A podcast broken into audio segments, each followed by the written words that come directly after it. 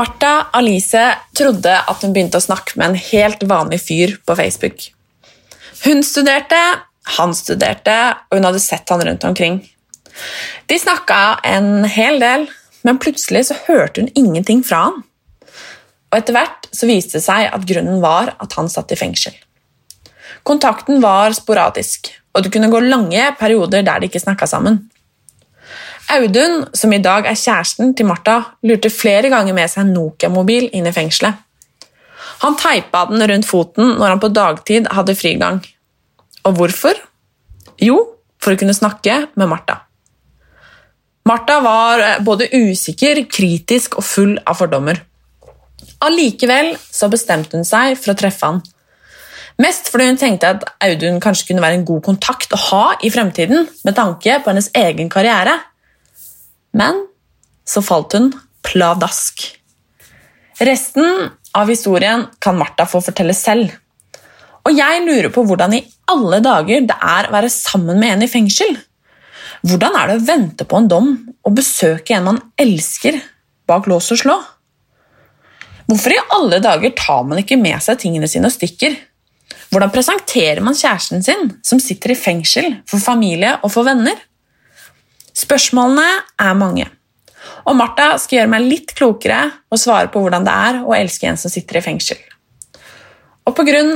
situasjonen vi er i akkurat nå, så sitter jeg hjemme hos meg og Martha er hjemme hos seg. Eh, så jeg håper at eh, lyden blir så bra som mulig, og at eh, ja, praten med Martha blir like spennende som jeg tror at den blir.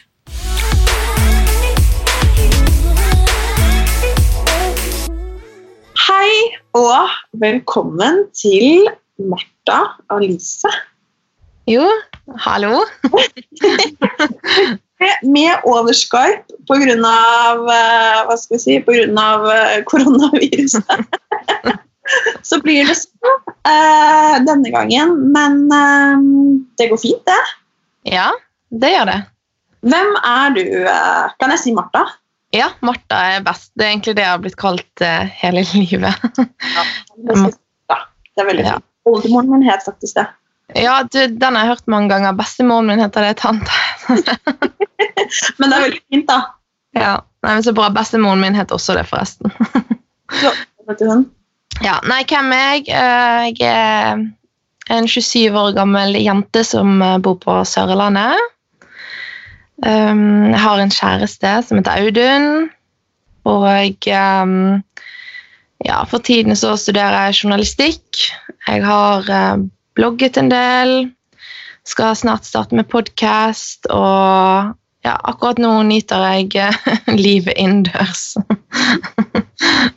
Men um, Audun, det er jo egentlig han vi Han er jo ikke her, holdt jeg på å si, men det er jo egentlig han vi skal snakke om uh, i dag han og, og dere. Mm. For uh, Han er en morsom skrue. Ja. uh, men det har jo alltid vært like kult. Nei, det har det ikke. Vi kan jo begynne med, for det er jeg vel nysgjerrig på. Hvordan eh, møttes du, Audun? Nei, Vi studerte begge to i Oslo. Jeg tok Eh, den gangen en bachelor i markedsføring, og han studerte entreprenørskap på BI. Og så fikk jeg et lite glimt av han. Fant han igjen senere på Facebook, og så lå jeg han til.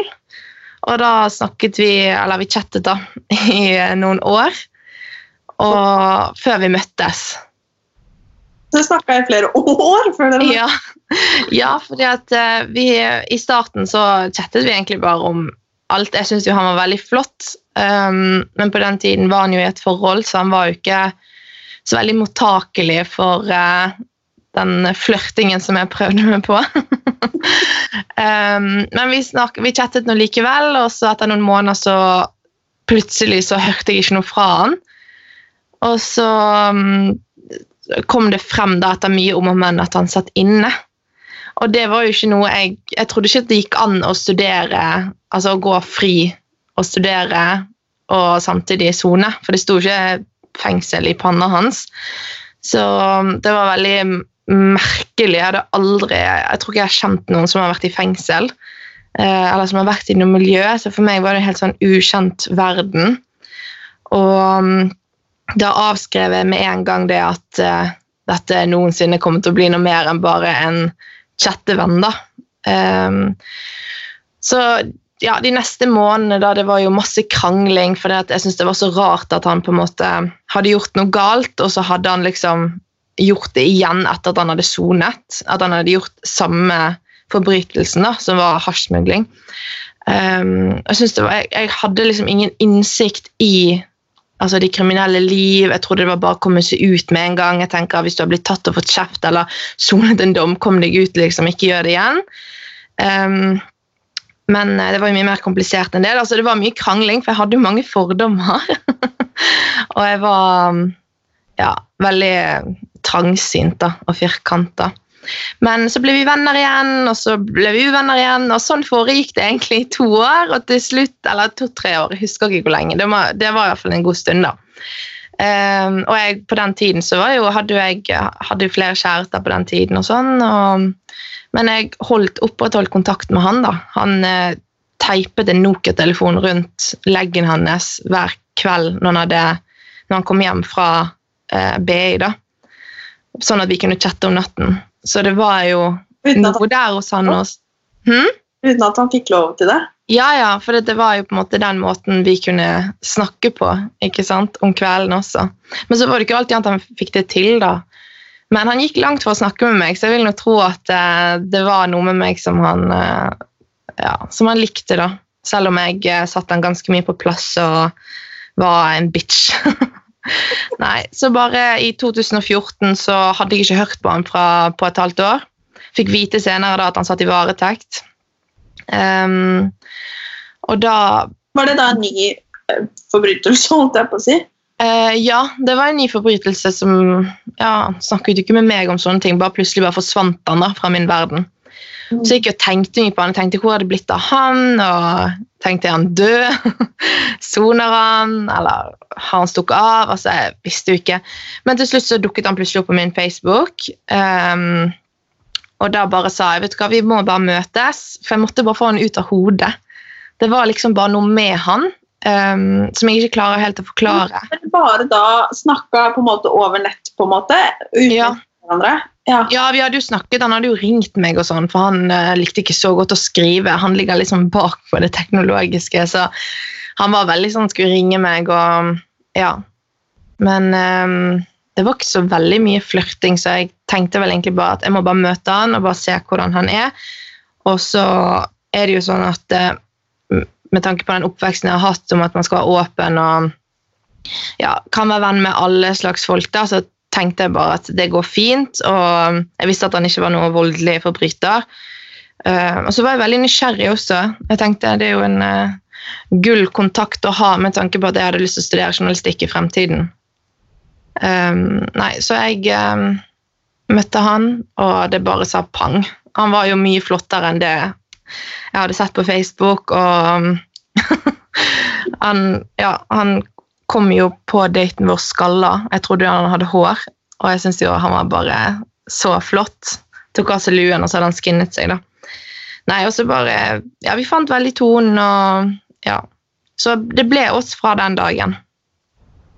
Altså, det er jo altså, Jeg blir nesten litt sånn Det høres jo så romantisk ut, og så er det egentlig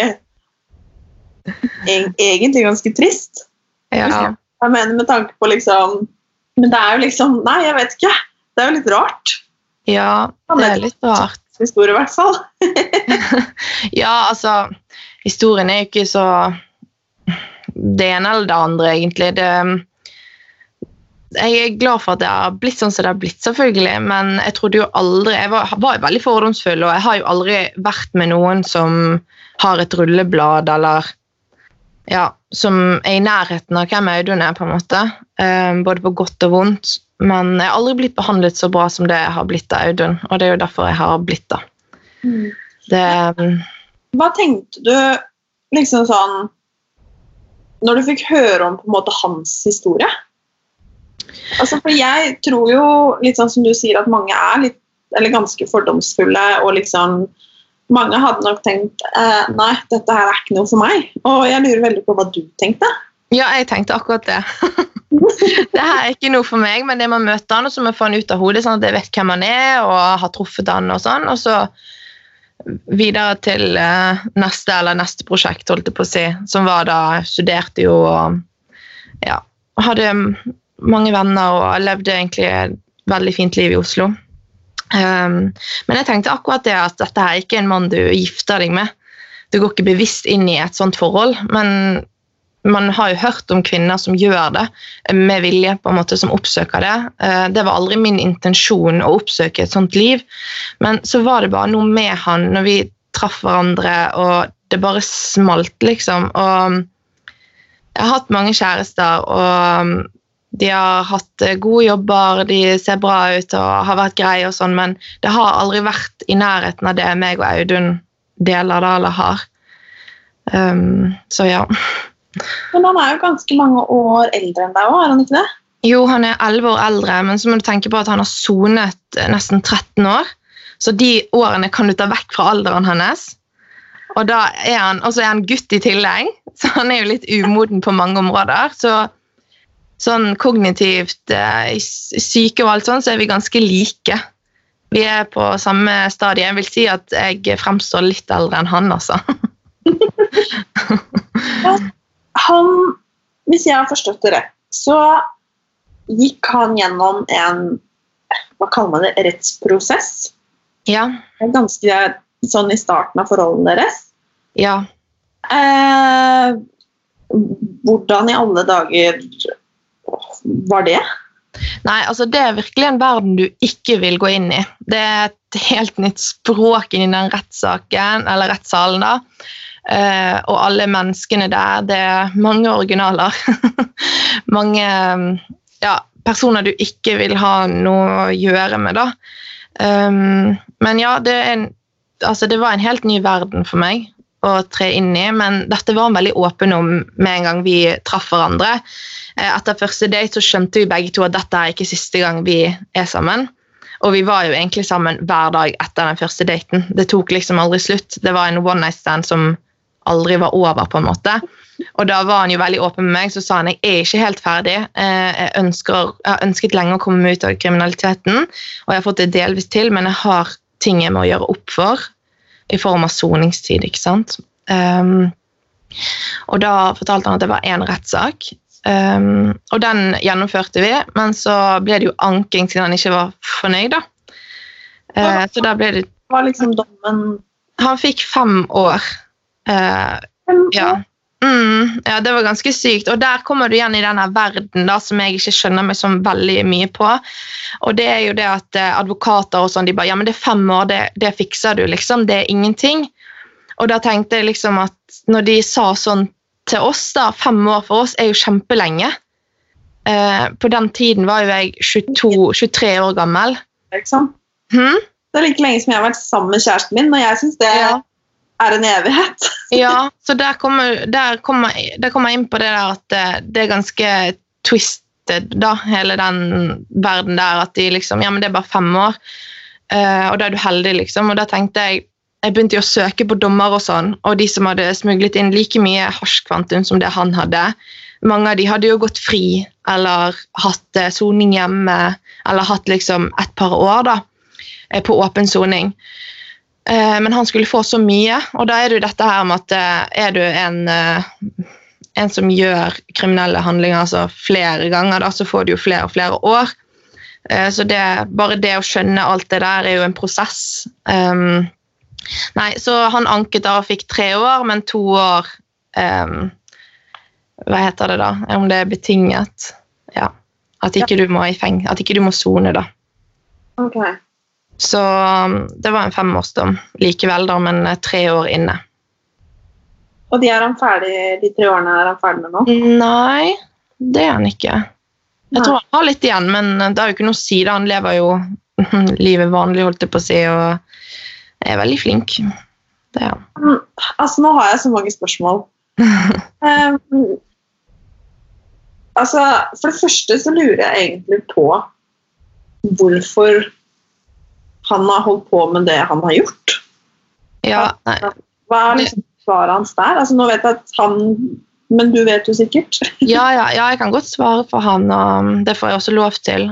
Han, eh, det svaret er ganske langt.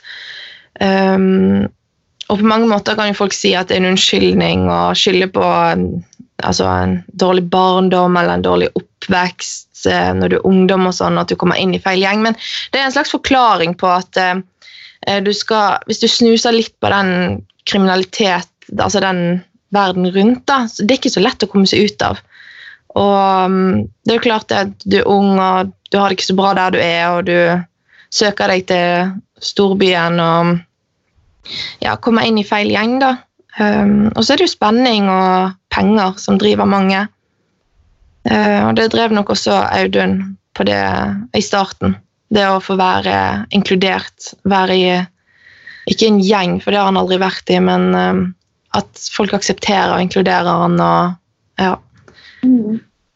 Så ja, men det svaret er nok mye lenger enn det jeg kan gi deg, da. Men Jeg skjønner, men man blir Jeg bare prøver å forstå. ikke sant? For Man blir sammen med en fyr som man blir stormforelska i. Og man får vite at han har eh, dom på seg, ja. eh, og at han skal gjennom eh, Han skal sitte i fengsel, da. Mm. Eh, og så får han da eh, vite hvor lenge. Og, og hvorfor velger man å stå i det? Um, hadde ikke du gjort det for din? Det er et godt spørsmål. Ja. Nei, jeg velger å tro at um, er man forelsket nok da, eller elsker noen nok, så er man villig til å gjøre ganske mye, mye mer enn det man tror. Eh, Det er veldig mange som stiller spørsmålet hvorfor dro du ikke, du er så ung og alt sånn, men eh, jeg, jeg tror at flesteparten hadde gjort det samme i min situasjon. Jeg, um, når folk berømmer meg for at jeg har blitt, og at vi har holdt ut nå i seks år, da, to og et halvt år har han vært inne, så syns jeg det er litt rart, for jeg tenker at eh, det heter jo i gode onde dager, og er ikke, er ikke kjærligheten sterk nok til at du er villig til å gjøre noe sånt for en annen person, så tenker jeg at uh, kanskje det ikke er den rette. Jeg vet ikke, jeg hadde jo ikke gjort dette for hvem som helst. Um, jeg har jo flere ekser, men eh, med Audun så var det, det var noe helt eget, det vi hadde og fortsatt har. Så det var ikke, var ikke så veldig vanskelig egentlig å ta den beslutningen. Mm. Det var det ikke. Jeg visste at vi kom til å klare det. Mm. Men hvordan i alle dager er det å ha en kjæreste i fengsel? Oh, det, um, det er veldig sårt på mange områder, men um, det gikk veldig bra. Uh, han, altså den verste dagen var jo 12. juni 2017. Da skulle jeg for første gang oppleve at han skulle være bak murene, og at vi skulle skilles. Og det å besøke han Nå tok det tre uker før vi fikk eh, bevilget besøk, da. Og de tre ukene var helt grusomme. um, men eh, så er jo fengslene her i Norge, spesielt det fengselet her på Sørlandet som han sonet i, da, i første delen av soningen, det er veldig lite. Så det er ikke sånn som du ser på TV, sånn amerikanske fengsler. Det er ikke så skummelt. Så det gikk jo bra, men det var jo litt sånn rart å sitte på et så lite rom og ja, Du vet ikke om du er overvåket. eh, Døren på rommet har liksom et lite sånt vindu, så når som helst så kan de titte inn i det. Og vi gikk jo fra å være sammen nesten hele tiden um, i tre og et halvt år til å plutselig måtte forholde oss til én time i uka. Der vi fikk være sammen og 20 minutter ringetid. Nei, Så det var jo veldig vondt på mange områder. og det er jo klart at Du blir litt stigmatisert når du forteller hvor kjæresten din er. Um, men så går det jo også bra. det, det handler jo om å liksom lage et eget liv alene også. Mm. Hva har liksom vært eh, det vanskeligste? For jeg kan liksom tenke med meg selv at sånn At jeg tror jeg kunne vært eh, mye sint. da. Liksom, eller skuffa for at liksom, han hadde gått glipp av ting jeg syns var viktig, om du forstår hva jeg mener. Ja. Så jeg lurer på liksom, hva, hva du syns var liksom det verste. da. Jeg la ikke noe energi i å på en måte tenke på liksom, eh, det at han går glipp av ting, eller at eh, ah, dette skulle vært ugjort. For det at saken var jo sånn som han var, det var jo ikke noe å gjøre med det. Um, men det verste var helt klart den frihetsberøvelsen. Det er jo han som opplever det mest, da, men som pårørende så opplever man det litt gjennom de. Og det at noen skal bestemme eh, når du skal få møte kjæresten din, og når du skal få snakke med han. Du må hele tiden forholde deg til en klokke. Det merker jeg nå er utrolig deilig. Det at det er ingen som bestemmer at det er fra to til tre skal du få lov å være med han, og så etter det er det slutt. At nå kan vi bare ja, slappe helt av og henge sammen akkurat sånn som vi vil. Så det var nok det verste å forholde seg til den klokka. og etter hvert så ble han jo flyttet til Stavanger, og det var jo fire, fire og en halv time for meg å kjøre én vei. Av og til tok jeg jo dagsturer. uh, så det ble jo det, det var veldig vanskelig. Og jeg var, jeg var veldig heldig. Jeg hadde jo en venninne i Stavanger som hjalp meg helt sykt mye. Jeg fikk jo lov å sove der så mye jeg ville. Men det er jo klart det, jeg skal prøve å leve et liv eh, her ute også. Og da har jo du lyst til å være med på sosiale ting, og sånn, så det ble jo ofte dagsturer. Jeg måtte jo tenke på meg sjøl også i denne tiden. Mm. Så det var ganske hardt, akkurat det, men jeg hadde jo den gulroten om at jeg skulle se han. da, Det var jo det som holdt meg oppe når jeg kjørte alt, alt det jeg gjorde. da. At jeg skulle få treffe han, fordi at eh, jeg kunne banne og steike og bare sånn Å, helsike, nå skal jeg sitte i bilen en gang til og kjøre, og det er bare en uke gått og lenge igjen til han kommer ut, og du sitter der med mange tanker, og du kan bli sur, du kan bli lei deg, men så kommer du inn på besøksrommet, og du sitter deg ned i den sofaen, og så bare gir alt mening. Alt, alle strevet, all den harde tiden, det bare Du bare skjønner at dette her er absolutt helt riktig Mm. alle tvil eller um, Ikke tvil, men all sånn frustrasjon og sinne og sånn, det går liksom over. Da, da gir alt veldig mening å være med han. Mm. Men altså dette med fordommer Og du har jo vært veldig åpen om dette her. Eh, og folk har jo meninger, og spesielt liksom, når det er snakk om kriminalitet, liksom. Mm. Hvordan har liksom folk Altså fremmede som Hvis du f.eks. har skrevet det på, på eh, bloggen din, da. Mm. eh, eller det har stått i avisen, eller hva den har vært. Ja. Hva har folk sagt? Nei, altså jeg velger, altså, Sånn som jeg ser på det, så uansett når man trer ut i offentligheten, så vil jo man bli dømt. Så det hadde nok blitt uansett. Ehm, nå er jo historien vår litt spesiell, da, um, og det er jo ikke alle som godtar den og, um, og tilgir den, hvis jeg kan si det på den måten, selv om man har sonet ferdig dommene sine. Men um, jeg velger nå, eller sånn som jeg ser på det, så er det jo det at eh, flesteparten er jo veldig greie og imøtekommen. Det er jo bare noen som dømmer. Og så tenker jeg at eh, altså jeg står jo for det, altså det valget jeg har tatt, og jeg er veldig takknemlig for at det har blitt sånn som det har blitt. Men um, for egen del, altså for ens egen del, så burde folk slutte å dømme, for jeg tenker at man går glipp av veldig mye. Jeg var jo en gang den som dømte Audun veldig mye, og var veldig sånn mot han. Um, så ja, det tenker jeg um, Folk må bare få lov å dømme. Det, det er så lite av det. Og det er så lite jeg får med meg av det. Mm. Så Men, jeg vil ikke arrestere noen på det. nei, men altså, hvordan sier man til familien sin at eh, dere, nå har jeg liksom forelska meg i en fyr som er kriminell? Ja, nei, men Det som var så greit med Audun, da, det var at når jeg møtte han, så hadde han jo sånn sykt stort ønske om at han skulle være ute av det, og at han, han hadde kjempet i mange år, sa han. Og det trodde jeg også, for jeg, det så jeg på han, og han viste meg veldig mange sånn samtaler og brev han hadde fått, og jeg så at han hadde virkelig ja, prøvd, da. Um, så da var det litt enklere å presentere det. Men så må jeg også si at jeg er jo veldig heldig. Jeg er jo fra en veldig åpen familie som ehm, Ja.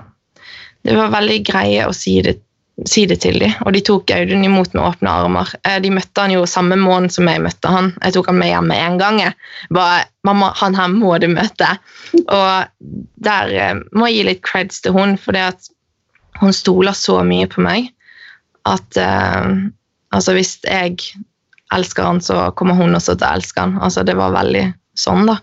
Nå høres ut som jeg kommer fra en religiøs familie, jeg gjør ikke det, men uh, nestekjærlighet er absolutt eh, eh, noe eh, som jeg har lært opp til da, i barndommen. Og nei, det var veldig enkelt uh, å ta han med hjem, faktisk. Og så er det jo sånn som han er, da, at på papiret så høres han jo ikke så veldig bra ut, men så møter du han, og så må du bare bli glad i han. Han er jo utrolig omsorgsfull og alltid blid og ja, veldig søt. Altså Hva har liksom vennene dine og sånn sagt? Er- Har, eller har du mista noen på grunn av Ja, det har jeg. Jeg har mistet én venninne. Eh, Og det var litt ironisk, for hun var den eneste venninnen min som var i et litt sånn miljø, om jeg skal kalle det for det. Um, så det var litt sånn eh, rart, da. Men eh, jeg vet ikke om det hadde så veldig mye med at det var akkurat han, men det var nok bare det at jeg plutselig forsvant og ikke var så mye med lenger. Mm. At eh, det kunne nok skjedd med uansett hvem jeg hadde blitt sammen med. Men nei, ellers har venninnen min vært eksemplariske der og inkludert han og invitert han med og ja, aldri, Det har ikke vært noen bekymring. Det er jo klart at Med en gang jeg møtte han og fortalte om han, så var det jo veldig mange spørsmål og Nei, dette her må ikke du gjøre, og han høres farlig ut, og ditten og datten. Eh, men så møtte de han, og da var ikke det noe problem. Mm. Um, så ja. Hva var det første dere gjorde når han liksom eh, sier- Slapp ut blir jo kanskje feil å si, men man sier kanskje 'slapp ut'. Ja. ja, ja.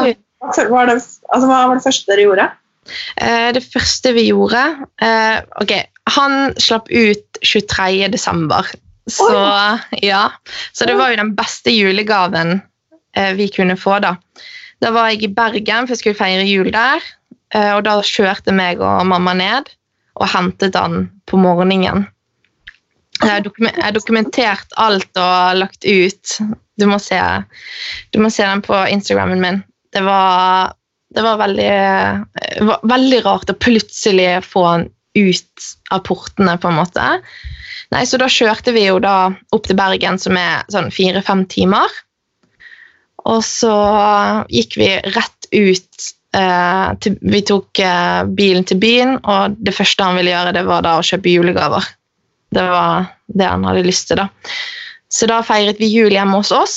Og så la jeg ikke ut noe på det tidspunktet. Jeg la ut alt i senere tid. Fordi at foreldrene hans visste ingenting. Han hadde veldig lyst til å overraske dem. Um, så 26.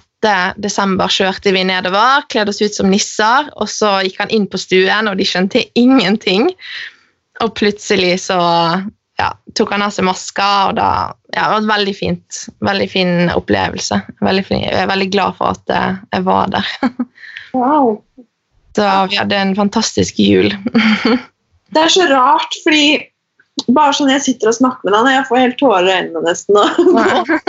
Og hele pakka. Men oi, nå raser det utafor her. Er det snø? Uh, nei, det, var, det blåser. Å ja. Men, eh, men eh, nei, hva skal jeg si? Jo, det er så innmari rart når jeg sitter og prater med deg, og på en måte blir Det er jo så fint, ikke sant? At jeg blir nesten helt sånn Å, herregud, så romantisk. Og liksom Og det skygger nesten over for på en måte det han har gjort. Og det Jeg vet ikke, det er litt sånn rar Jeg syns det er litt sånn rart at liksom Samtidig som jeg syns at det er så fint at han eller det er, Ja, jeg vet ikke. Jeg, du forstår sikkert hva jeg mener. Ja. Det er liksom Men det er sånn jeg føler det òg. For jeg står ikke opp om morgenen eller legger meg om kvelden og tenker på hva han har gjort. i det hele tatt. Og jeg er jo heller ikke den som skal på en måte dømme han, og jeg skal jo ikke gi han en ekstra straff. Det er jo det som er hele formålet med å sitte i fengsel, at du skal gjøre opp for deg og gjøre opp for deg til samfunnet. Og ikke minst rehabiliteres og ja, sånne ting. Så jeg skal jo ikke gi han en ekstra straff med å på en måte tynge han med det han har gjort. da.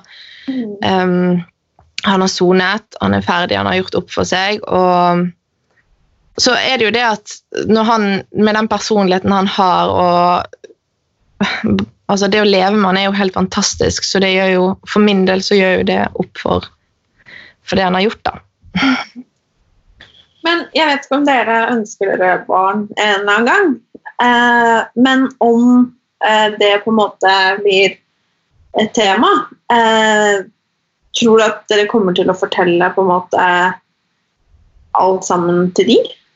Ja, altså vi ønsker oss barn, um, og jeg håper virkelig at vi, kom, at vi er så heldige å få oppleve det en gang.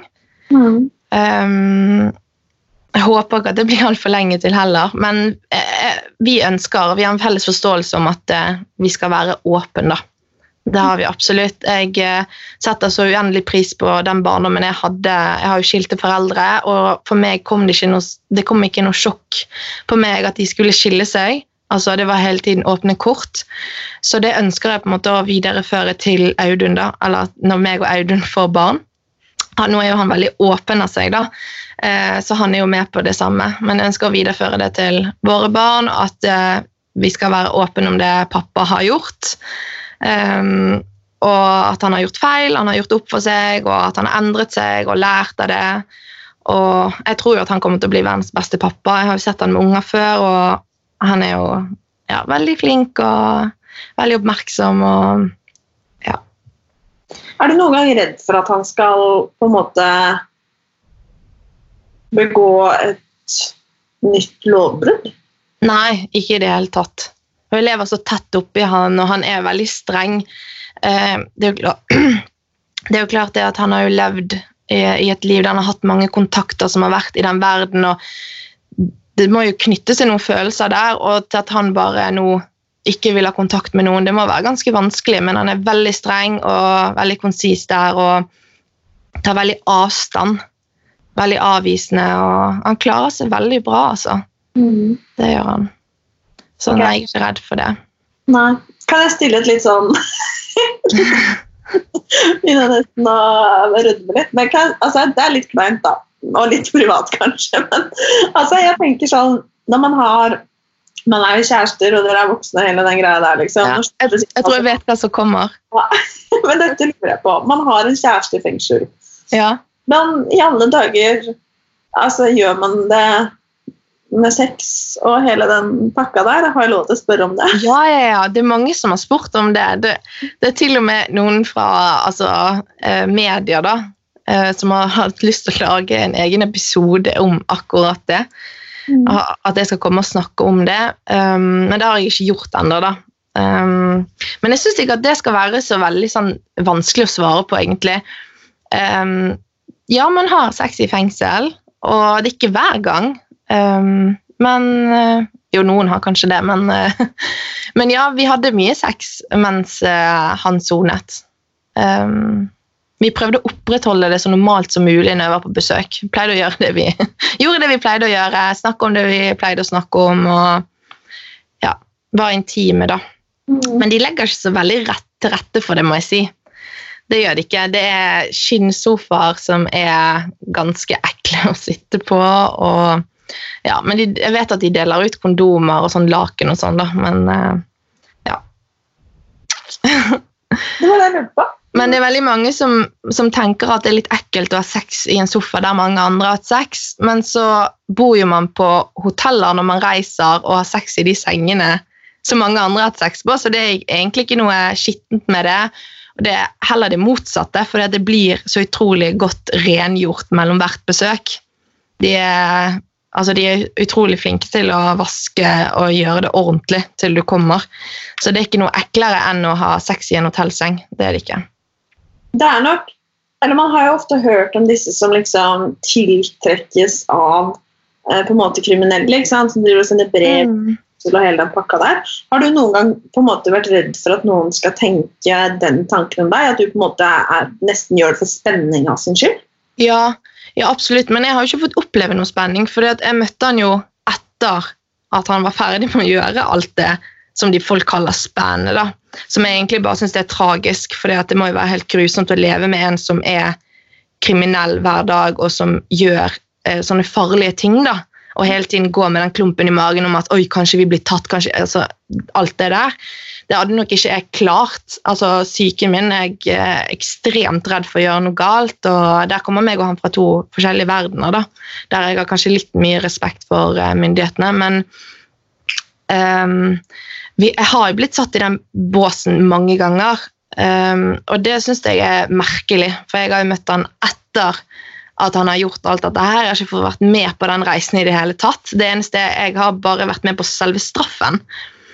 Og eh, ingen av de jeg har vært sammen med før, har gjort noe kriminelt. Det har vært vanlige gutter, så jeg har aldri aktivt oppsøkt Jeg har aldri hatt noe interesse eh, for eh, sånne personer i det hele tatt. Eh, det var bare noe helt spesielt med Audun. Um, men jeg hadde en veldig ekkel opplevelse en gang. Jeg ble intervjuet i en avis, jeg tok de inn i stuen min, og de gjorde et intervju med oss. Og så klasja de opp på artikkelen en eh, psykolog som forteller om unge jenter som syns det er spennende å være med kriminelle. Og det syns jeg var utrolig skittent gjort, for jeg fortalte jo vår historie som er så langt fra det. da. Jeg oppsøkte jo ikke han aktivt i det hele tatt. Jeg tenkte jo aldri at det skulle bli oss.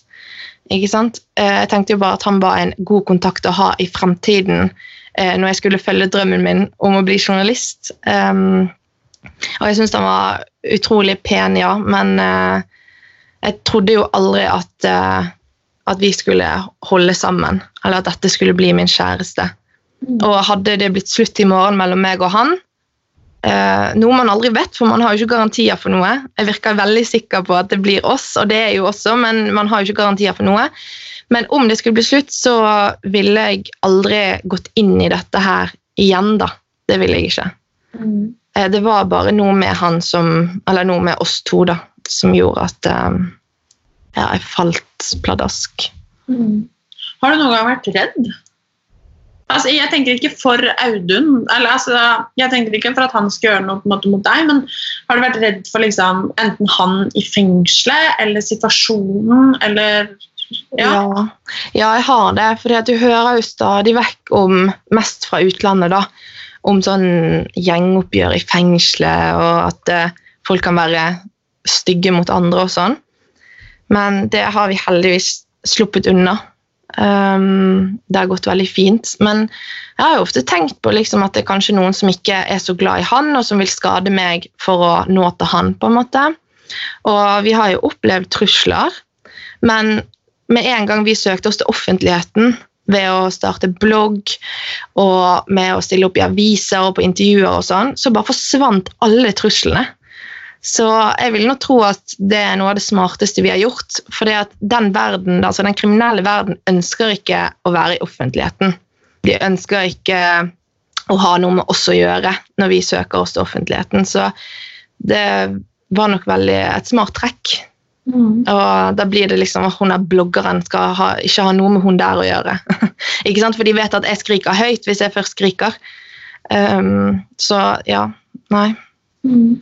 Hva har du lært eh, mest av av på en måte hele forholdet deres, men også på en måte hans situasjon og, og deres situasjon, da, kan man vel kalle det? Hva jeg har lært mest? Um, at kjærlighet trumfer alt. altså Kjærlighet det overvinner absolutt alt hvis man ønsker det sterkt nok. Og så må man være to stykker om det, da, selvfølgelig. Men jeg har jo også lært veldig mye om meg sjøl. Jeg visste at eh, jeg kom til å klare å vente på han, og at vi skulle komme oss gjennom det og alt sånn. Men um, jeg visste ikke at jeg skulle klare meg så bra alene. Jeg omgjorde de to og et halvt årene til noe som var uh, helt spesielt. Jeg reiste veldig mye. Jeg uh, jobbet utrolig mye også for å gjøre opp for den reisingen, selvfølgelig. Jeg var mye med venner. Jeg var med på alt. Jeg var veldig ja-menneske. Jeg hadde få tunge dager der jeg ikke vil, ville gå ut. da. Jeg har eh, kommet meg ut hver eneste dag, trente utrolig mye og ja, gjorde det som var eh, bra for kroppen. Da. Jeg dokumenterte jo alt med bloggen og fant veldig, veldig trøst i det å bli støttet av noen. da. Eh, selv de som dømte meg, var der for meg under den perioden. Og ja, nei, det jeg, nok, jeg, lærte nok det at eh, jeg klarer meg veldig fint på egen hånd, men jeg klarer meg jo best med Audun, selvfølgelig. Det er jo da jeg har det best. Mm. Men eh, ja, nei, de årene var veldig fine, og det er veldig deilig å se tilbake på nå. At det ikke er to og et halvt år som jeg har tapt, mm. eller som jeg har mistet, eller som jeg har gått glipp av noe. Jeg har gjort alt, alt som jeg pleide å gjøre, bare at jeg har hatt en kjæreste, da, og med de forpliktelsene som følger der, da. Har du noe du vil si til de som på en måte dømmer deg for at du har valgt den kjæresten du har gjort? Mm, nei, absolutt ikke. For jeg tenker at uh, vi alle sammen dømmer, og uh, folk må bare få lov til det. Men nå har vi holdt sammen i seks år, og jeg tenker at uh, for ens egen del så må man slutte å dømme. Man går glipp av så utrolig mye fint. og utrolig kjedelig å hele tiden skal sanksjonere seg sjøl og andre og gå glipp av ting, da. Mm. Men eh, sånn som jeg sa i sted, at jeg vil ikke arrestere noen på at de dømmer meg i det hele tatt. Eh, det tror jeg de hadde gjort uansett. Mm. Har du noen råd da, til noen som er, på måte, som er, pårørende og som er i samme situasjon som det, eller en lignende situasjon som det du har vært i og er i? Ja, snu deg 180 grader og løp. Nei da. Men, eh, men det man, De sier at det er bare altså at to av tre par som eh, soner, da, eller der den ene soner, klarer seg ikke. Så det er lurt å gå inn i dette her 100 hvis personen er verdt det. Uh, men det er jo klart at da må det også gjøre opp for alt han har gjort. altså han må, Eller han eller hun da, må være eksemplarisk ellers. Mm. Eh, man kan ikke tolerere at man sjøl blir eh, dårlig behandlet og i tillegg må være pårørende til noen som soner i fengsel.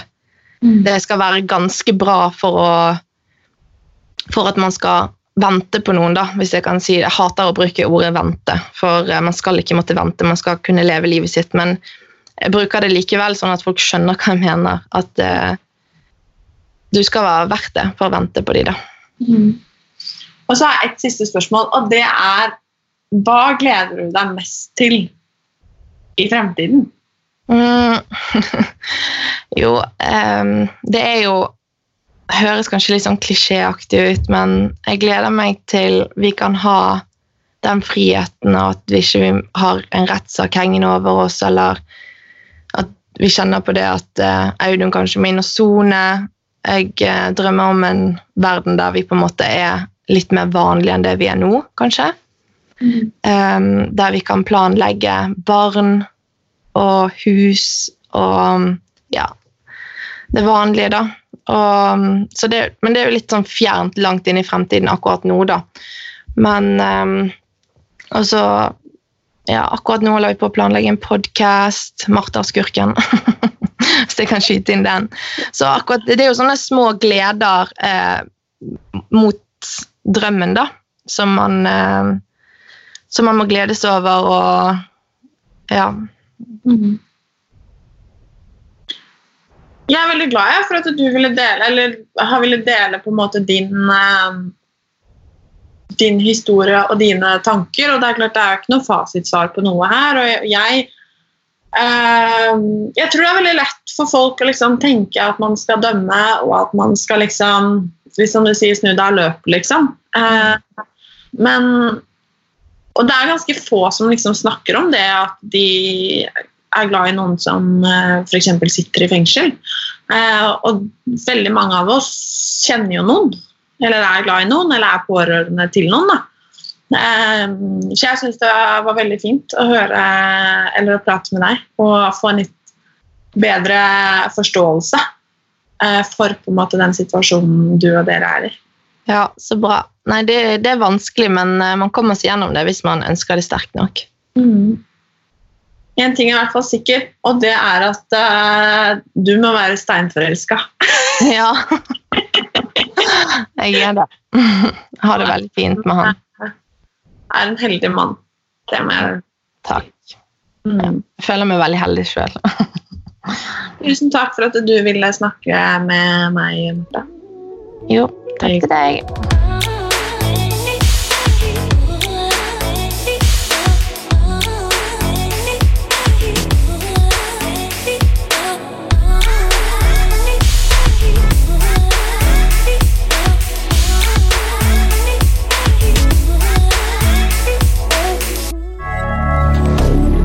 Moderne media.